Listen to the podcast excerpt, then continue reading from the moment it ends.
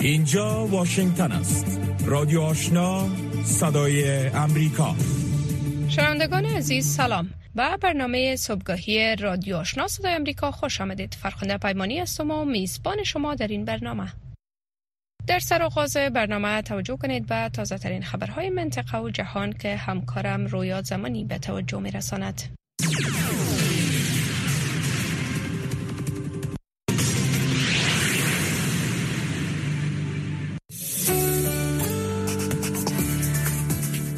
شنوندگان گرامی رادیو آشنا صدای امریکا نشرات رادیو آشنا را در موج متوسط 1296 موج کوتاه 11575 اشاری سفر و در موج 972 کیلوهرتز شنیده می توانید.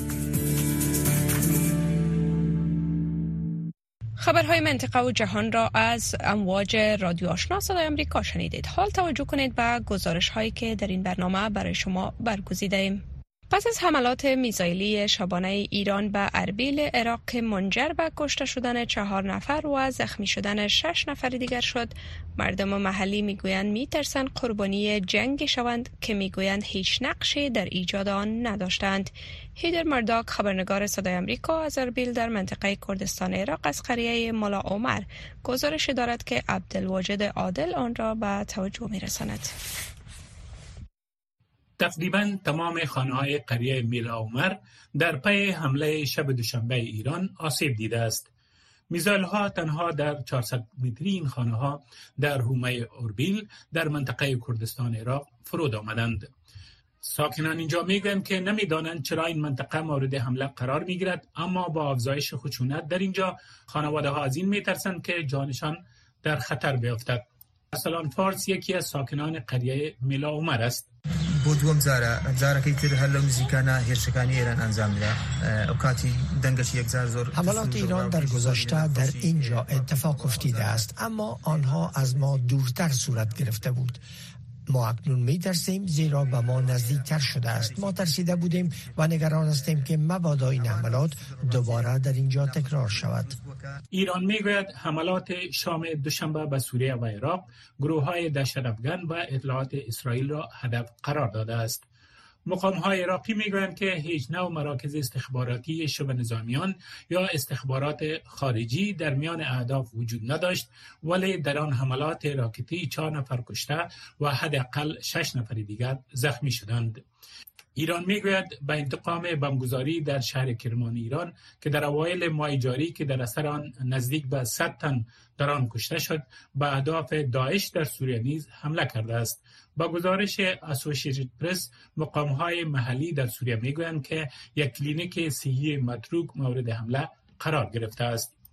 در قریه میلا عمر مردم محلی می‌گویند که به نظر می رسد درگیری ها در شرق میانه فراتر از نبرد بین اسرائیل و حماس گسترش می و نگرانی فزاینده وجود دارد که به زودی جاهای امن برای پنهان شدن از جنگ در اینجا وجود نخواهد داشت. ارسلان پارس ساکن این قریه می‌گوید مردم این قریه غیر نظامی بوده و هیچ پایگاه نظامی در نزدیک اینجا وجود ندارد والله خلچی ایرکوان هم خلچی کاسبن هم خلچی بیتاوانن هم خلچی مدنی ایرکوان مردمی که در اینجا زندگی می‌کنند غیر نظامی بوده و مشغول زندگی و کارشان هستند.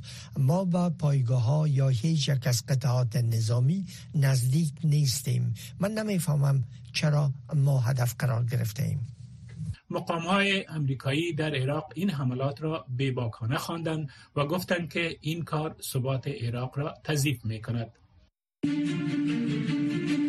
روک و راست. صحبت های داغ صاحب نظران در مورد خبرها و مسائل روز هر شام از ساعت هشت تا 9 شب در برنامه مشترک دری و پشتوی رادیو آشنا صدای امریکا. بخش زنده این برنامه را در نشرات ماهواره صدای امریکا نیز دنبال کرده می توانید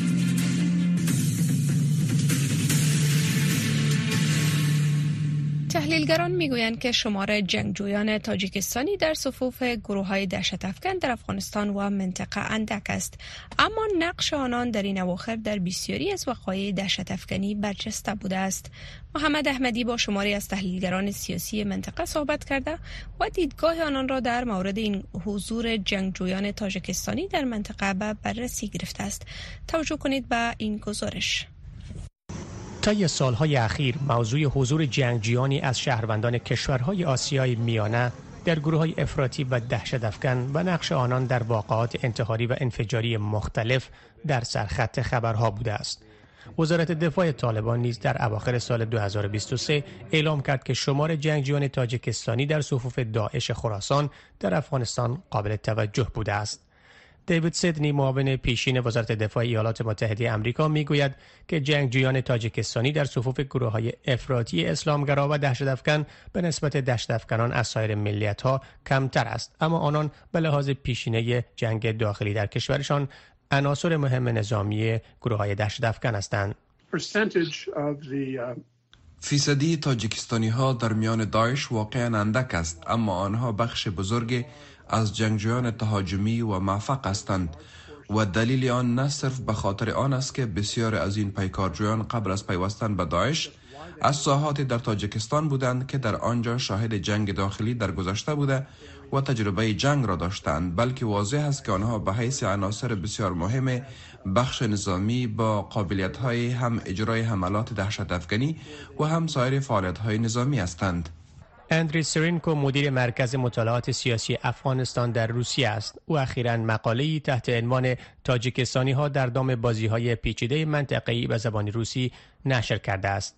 سرنکو از قول منابع خود ذکر کرده است که اتباع تاجیکستانی در حملات اخیر بالای مراکز اسرائیلی در آسیای مرکزی مخصوصا در قلمرو قزاقستان اشتراک کرده بودند که این عناصر عملیاتی تقریبا به گفته او همهشان تاجیک تبار بودند.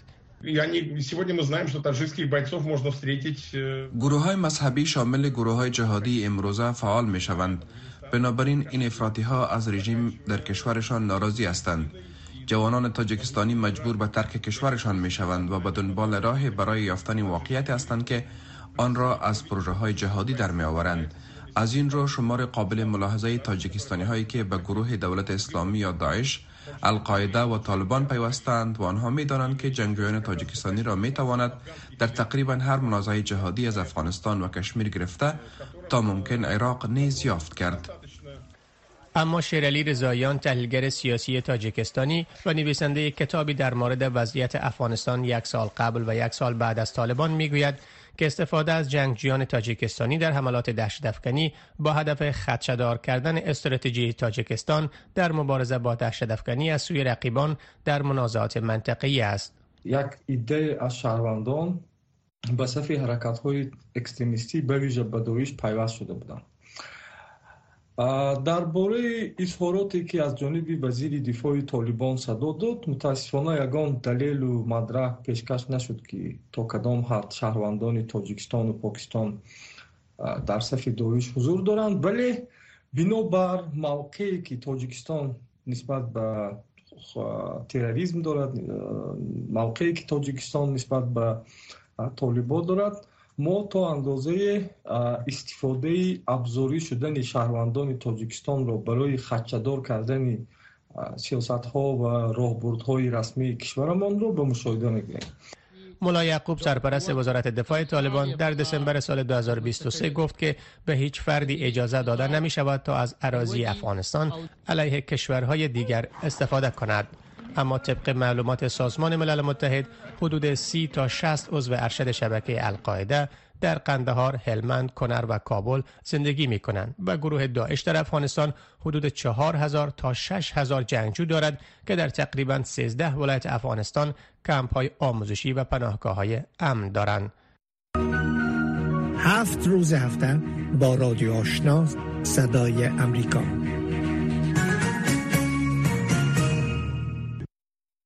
وزارت خارجه پاکستان روز سهشنبه 16 جنوری به حملات ایران بر ایالت بلوچستان آن کشور واکنش شدید نشان داده و گفته است که این اقدام تهران پیامدهای جدی را در پی خواهد داشت. این حملات چه واکنش هایی را در حلقات سیاسی پاکستان برانگیخته است؟ گفت شنود سحر عظیمی با مسکا خبرنگار صدای آمریکا در پاکستان را در این گزارش میشنویم. سپاس سهرجان با گذشت 24 ساعت وزارت خارجه پاکستان دو بار از خود واکنش نشان داده و این حمله را به شدت محکوم کرده. وزارت خارجه پاکستان در اعلامیه خود گفته که این حمله نظامی که از سوی ایران صورت گرفته نقض حاکمیت پاکستان و نقض قوانین بین المللی می باشد. پاکستان گفته که به این حمله نظامی از خود پاسخ نشان می دهد و مسئولیت آن به عهده جمهوری اسلامی ایران می باشد. از سوی دیگر پاکستان پس از این حمله سفیر خود را از تهران فراخوانده و همچنان مانع بازگشت سفیر ایران به اسلام آباد گردیده. از سوی دیگر پاکستان گفته که تمام دیدارها و ملاقات هایی را که برنامه‌ریزی کرده بود با ایران لغو کرده روز هم در بلوچستان قرار بود یک جلسه تجارتی میان کمیته های مرزی صورت بگیرد که آن هم لغو گردیده. از سوی دیگر صدر اعظم پیشین پاکستان شهباز شریف در صفحه خود نوشته و گفته که از این حمله شوکه شده و گفته که چون این حملات باعث ضعیف شدن روابط تاریخی میان پاکستان و ایران نباشه. ولی از سوی دیگر امرالله صالح معاون ریاست جمهوری پیشین افغانستان از این حمله استقبال کرده.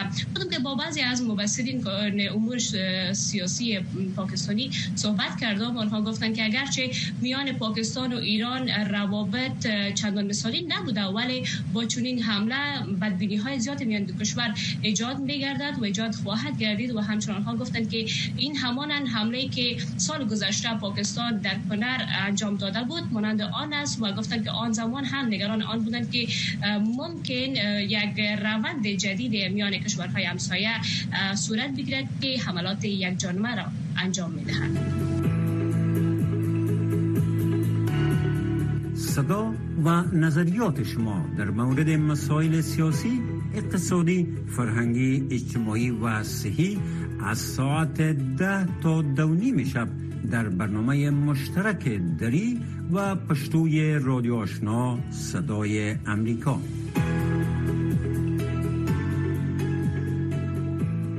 حملات میزایل و تیاره های بدون سرنشین ایران بر خاک پاکستان با واکنش شدید اسلام آباد امراه بوده است. رسانه های دولتی ایران ناوقت سهشنبه 16 جنوری گزارش دادند که سپاه پاسداران انقلاب اسلامی ایران موازی گروه جیش العدل را در پاکستان هدف حملات میزایل و درون قرار داده است. توجه کنید به مصاحبه سحرزیمی با نعیم اساس تحلیلگر امور سیاسی در این رابطه. شما می‌دونید که پاکستان و ایران رابطشان تا جای در رابطه با مشکلات منطقه به خصوص افغانستان یک رابط اصلا داشتن و حتی شما می‌دونید که در این آخر ملاقات ملاقات های داشتن در در خارج در سوئیس. به سطح بسیار بالا. ولی آنچه که گذشت در, در پاکستان و هدف موشکی یا گوی میزایلی سپاه پاسداران قرار گرفت با پاکستان. اینجا فکر می‌کنم که اول خو ایران اهداف مختلف داخلی و منطقی و فرامنطقوی داره. نه تنها که شما روی از صحبت کردیم یا سوال که طرح که یعنی روابط از اینا چطور بود شما ببینید که اول آنچه که سپاه پاسداران کردن این در تخطی از حقوق بین دول قرار داره که همو ماده چهار مشهور ملل متحد فقره دو به اساس از او حمله موشکی ایران نقص حقوق بین دول است. که هی حاکمیت حاکمیت پاکستان مورد تجاوز قرار داده از لحاظ حقوقی و از لحاظ سیاسی اگر ما بررسی بکنیم بله. چون ایران در در این اواخر با خصوص شما ببینید که آنچه که گذشت در کرمانشاه بیشتر از 100 نفر کشته میشه و یکی از بله. جنرالای از اینا در سوریه کشته میشه و بالاخره رهبر حماس در در لبنان ولی جنگ های یا حملات ایران در در این مناطق در در در لبنان و در سوریه و خصوص در یمن در اواخر جنگ های نیابتی را پیش در بله، سطح بله. جهانی ولی آل این بار و شکل مستقیم اولین بار است که ایران نه تنها در پاکستان بلکه در عراق و در سوریه در یک هفته گذشته هم بله. عملات راکتی و موشکی داشتن. آقای اساس وقت برنامه کوتاست. به خاطر می از شما یک پرسش می‌کنم که پاسخش می‌خوایم کوتاهتر بگین با توجه به سفر چند روز قبل مقامات ایران به پاکستان برخی تحلیلگران به این باورند که این مکان این امکان وجود داره که حملات در هماهنگی در دو کشور صورت گرفته برداشت شما در این باره چیست؟ ما فکر نمی کنم که به این اندازه ریسک بگیرن چون حتی ببینیم که سفیر از اونا را سفیرشان از برگشت اونا چیز کردن. یکی از شاید یکی از این فرضیه ها میره که چون این چیزی باشه ولی در هدف حساسی چی از ما فکر می‌کنم که هدف حساسی ایران بالاتر از این هست که یک ساخت ساز بین از اینا باشه. بالاتر از این حتی وسط جهانی یک پیام است برای آمریکا برای شرکاش و خصوص اسرائیل. یعنی ما مسائل یا بگویم موشک های دوربرد داریم و نقطه و می‌تونیم در هر حالت هزی از خود دفاع بکنیم و شما را مورد حمله قرار بدیم من فکر می‌کنم پیامش بیشتر از این بالاتر از این است. بله. ولی آن چی که گذشت این من فکر می‌کنم که به نفع طالبا هست. به خاطر از که همیشه ایران با پاکستان در در توانی با پاکستان ایران می‌خواستن که به زیر نام حکومت همه تعداد کسانی که از اونها طرفداری می‌کنن او را در افغانستان بیارن. و هی فکر می‌کنم که چنین عواقب بسیار وخیم بله. داره نه تنها به منطقه بلکه به وسط جهان همچنان تلویزیون آشنا دریچه شما و سوی جهان.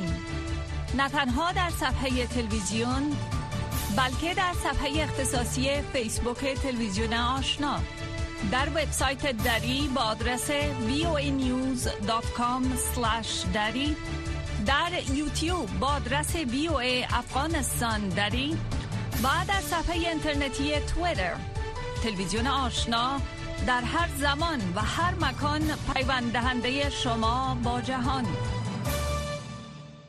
رئیس جمهور اوکراین روز سهشنبه از رهبرانی که در مجمع سالانه جهانی اقتصاد در داووس سوئیس کرده هم آمدند خواست تا کمک های نظامی بیشتری را به کشورش بدهند. در غیر آن خطر حمله روسیه به کشورهای دیگر را متقبل خواهند شد. شرح بیشتر گزارش را از نجیب خلیل میشنوید.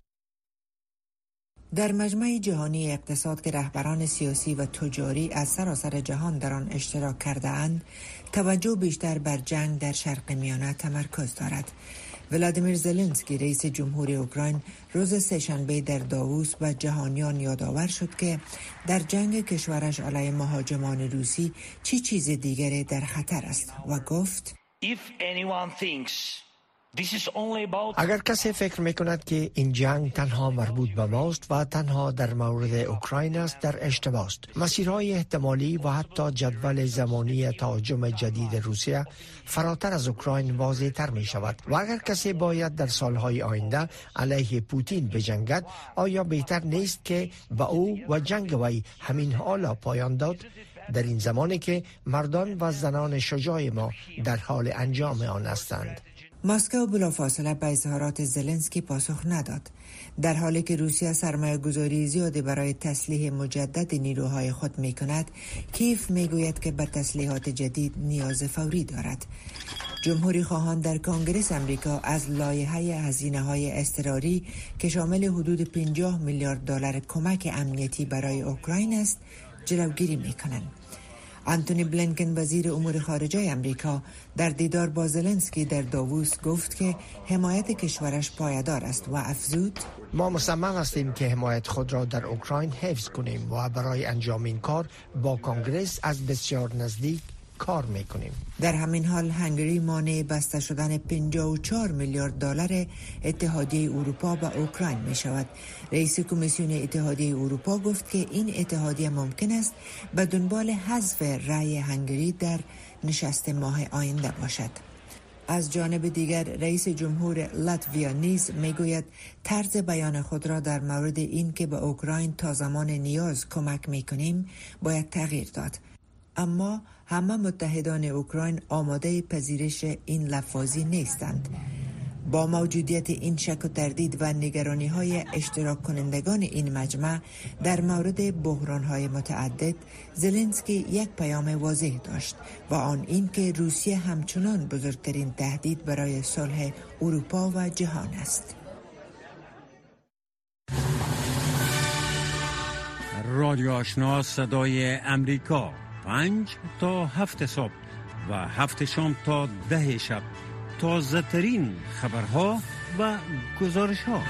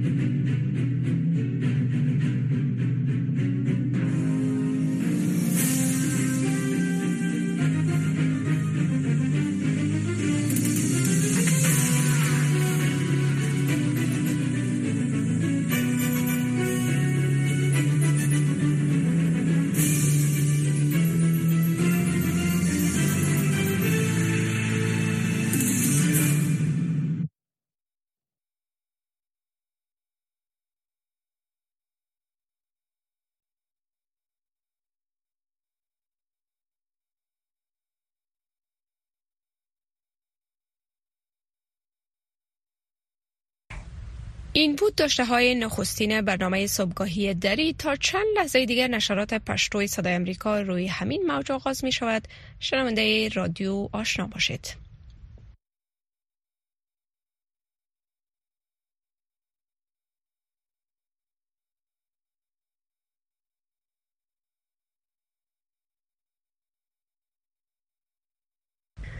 نشرات پشتو و دری رادیو آشنا صدای امریکا در همین جا به پایان می رسد و اما تا چند لحظه دیگر نشرات رادیو آزادی روی همین موج آغاز می شود روز خوش برایتان آرزو می کنیم